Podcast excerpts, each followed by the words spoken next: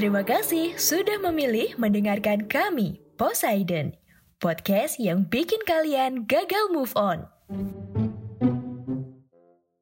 Bunga, kreasi Tuhan yang identik dengan keindahannya. Warna dan bentuknya yang menawan nyatanya nggak cuma bisa menarik perhatian serangga, tapi juga manusia. Nggak jarang juga, bunga dibudidaya bukan hanya karena alasan estetika, tapi juga karena fungsi dan manfaat lainnya. Kadang-kadang juga, bunga ini tiba-tiba bisa viral dan harganya melambung tinggi nggak karu-karuan. Jadi mahal tanpa dasar, bahkan sampai bisa ditukar perumahan. Halo dan selamat datang di konten paling random podcast dari Indonesia di luar kelas. Tempatnya sedang tidak jelas bersama saya Eka Arkananta. Gak tau kenapa ya, orang-orang ini tuh gampang banget ngikutin tren yang lagi rame. Tanpa pikir panjang dan tanpa punya alasan yang jelas gitu.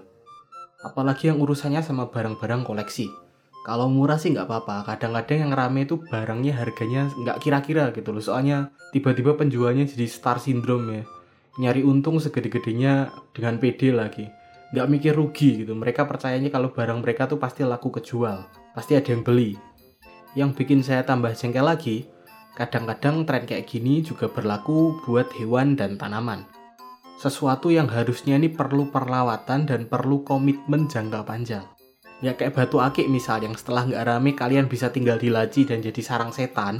Hewan dan tanaman ini kan masih perlu disayang walaupun kalian udah nggak minat lagi soalnya kalian cuma ikut-ikutan. Kasihan kan jadinya.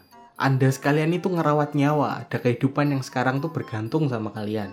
Jangan biarkan mereka hidup sengsara atau bahkan mati sia-sia ya cuma gara-gara kalian ini FOMO. Maaf ya jadi ngedumel.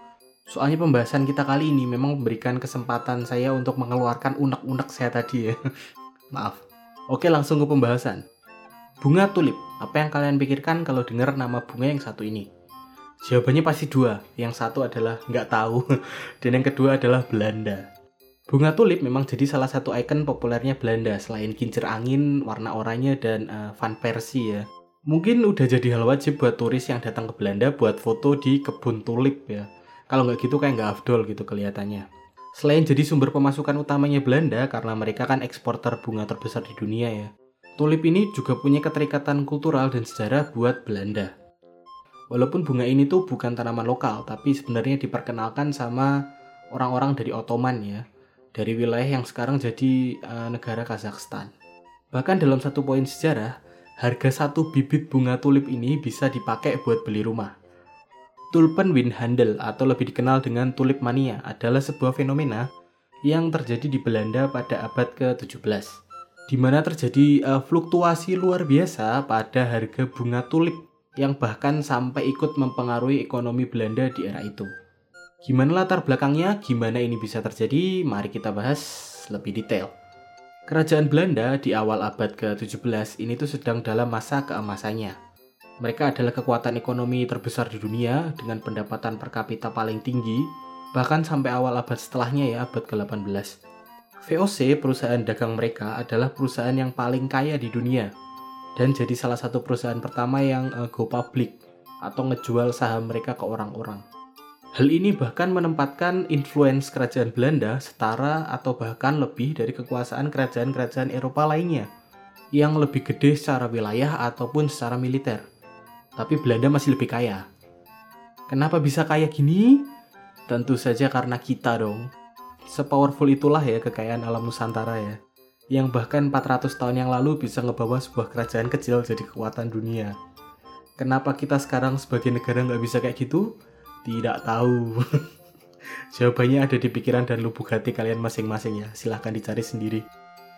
Kekayaan tadi bikin standar kehidupan masyarakat Belanda juga naik dan gak beda sama sekarang, semakin kaya kalian, semakin tertarik Anda dengan hal-hal yang tidak penting. Bunga tulip yang kala itu belum dibudidayakan sebanyak sekarang, ini tuh berubah menjadi simbol status buat masyarakat Belanda yang OKB yang baru kaya. Alhasil apa yang terjadi? Harga bunga yang stoknya masih terbatas ini, ini tuh makin naik seiring dengan permintaan yang makin banyak. Semakin bagus coraknya, semakin mahal. Dan yang paling mahal ini adalah jenis tulip yang kelopak bunganya tuh lebih dari satu warna. Contohnya kayak yang ada di cover episode ini ya, silahkan dilihat sendiri. Uh, bentuknya tuh kayak gitu yang paling mahal. Jadi kayak warna bunganya tuh kepecah jadi kayak ada motifnya gitu. Biasanya antara warna bunga asli terus motifnya ini tuh warna putih gitu atau uh, kadang kecampur kuning juga. Yang unik adalah motif ini tuh muncul bukan secara alami tapi karena virus sebenarnya. Jadi bunga tulip yang paling mahal ini sebenarnya adalah varietas bunga tulip yang penyakitan. Berhubung bunga tulip ini tuh tumbuhnya lama, para petani tulip ini akhirnya harus memutar otak supaya bisa tetap berbisnis dan memenuhi kebutuhan pembeli yang naik kala itu ya. Yang mereka lakukan adalah akhirnya mereka ngejual surat kontrak kepemilikan umbi tanaman tulip. Jadi tulip ini butuh waktu sekitar 3-4 tahun buat tumbuh dari umbi yang mirip bawang sampai mekar jadi bunga. Dan yang dijual sama petani-petani ini adalah surat bukti kepemilikan umbi tulip tadi. Gampangnya kayak sistem PO ya, tapi harus nunggu sampai 4 tahun. Soalnya kan ya barangnya masih di dalam tanah ya, masih bercengkrama sama cacing barangnya. Sistem bisnis ini akhirnya bikin transaksi bunga tulip ini jadi lebih mudah. Karena yang dijual ini bukan barangnya kan, tapi cuma kontrak gitu, cuma surat bukti kepemilikan. Cara jual yang gampang ini ditambah pembeli yang makin banyak, bikin harga tulip ini tuh makin naik tiap harinya. Apalagi akhirnya orang-orang ini tuh udah nggak minat beli buat bunganya, tapi buat dijual lagi. Jadi harganya di markup naik terus, dan juga pasti laku kebeli karena si pembeli tadi juga berspekulasi kalau dia juga bakal bisa ngejual ini tuh dengan harga yang masih lebih tinggi lagi. Dari periode 1636 sampai awal 1637, puncaknya tulip mania ini ya, Harga tulip ini tuh melesat naik sampai di angka 200%. Dan bahkan harga satu umbi tulip ini tuh udah bisa buat beli rumah ya. Jadi bayangin gitu ngelihat kebun tulip itu udah kayak ngelihat klasternya Agung Podomoro gitu. Harganya sama. Sama-sama mahal. Bunga itu tuh sama rumah sama. Kalian udah sadar salahnya di sebelah mana kan ini? Tanaman jadi barang berharga yang harganya tuh naik terus kayak emas dan tanah. Bedanya adalah emas dan tanah ini tuh punya value, punya nilai yang bikin mereka ini tetap berharga buat siapa pun di mana pun di dunia. Emas ini termasuk logam mulia, bisa jadiin perhiasan atau jadi alat tukar. Tanah bisa jadi kebun, bisa jadi rumah, bisa jadi pabrik, bisa jadi tempat usaha. Sekarang bunga fungsinya apa coba? Selain buat pamer dan buat estetika. Apalagi bunga itu juga punya nyawa ya, mereka bisa mati, Hal ini kayaknya baru disadari masyarakat Belanda pada 3 Februari 1637, ketika harga tulip ini tuh trennya akhirnya mulai turun. Orang-orang yang ngebeli karena niatnya cuma cari untung, akhirnya mulai ikutan ngejual karena mereka nggak mau rugi terlalu banyak ya. Yang terjadi akhirnya apa? Harga pasar ini tuh makin turun, makin turun, dan makin turun. Pada awal Mei 1637, harga tulip ini tuh udah setara bahkan lebih rendah dari harga tulip ketika awal tren tulip mania ini tuh dimulai. Dan perlu waktu sampai 1638 sampai budidaya tulip ini tuh kemudian kembali normal kayak sebelumnya. Fenomena tulip mania ini adalah contoh pecahnya economic bubble atau gelembung ekonomi yang pertama di dunia.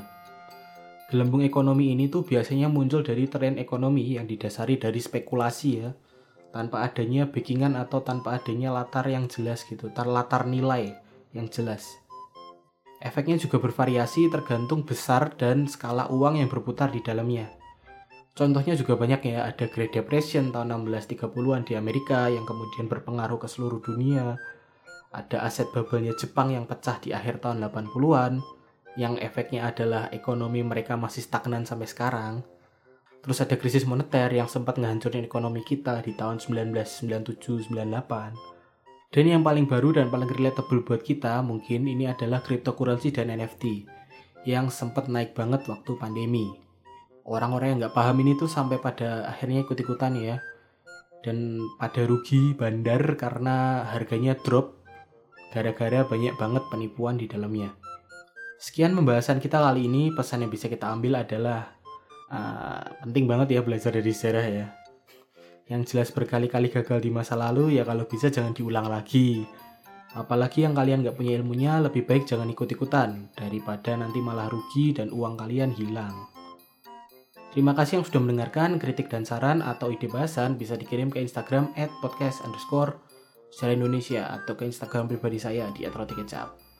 Jika ada kesalahan, saya mohon maaf sebesar-besarnya. Saya Igar Kananta pamit. Sampai bertemu di konten Poseidon lainnya. Bye-bye.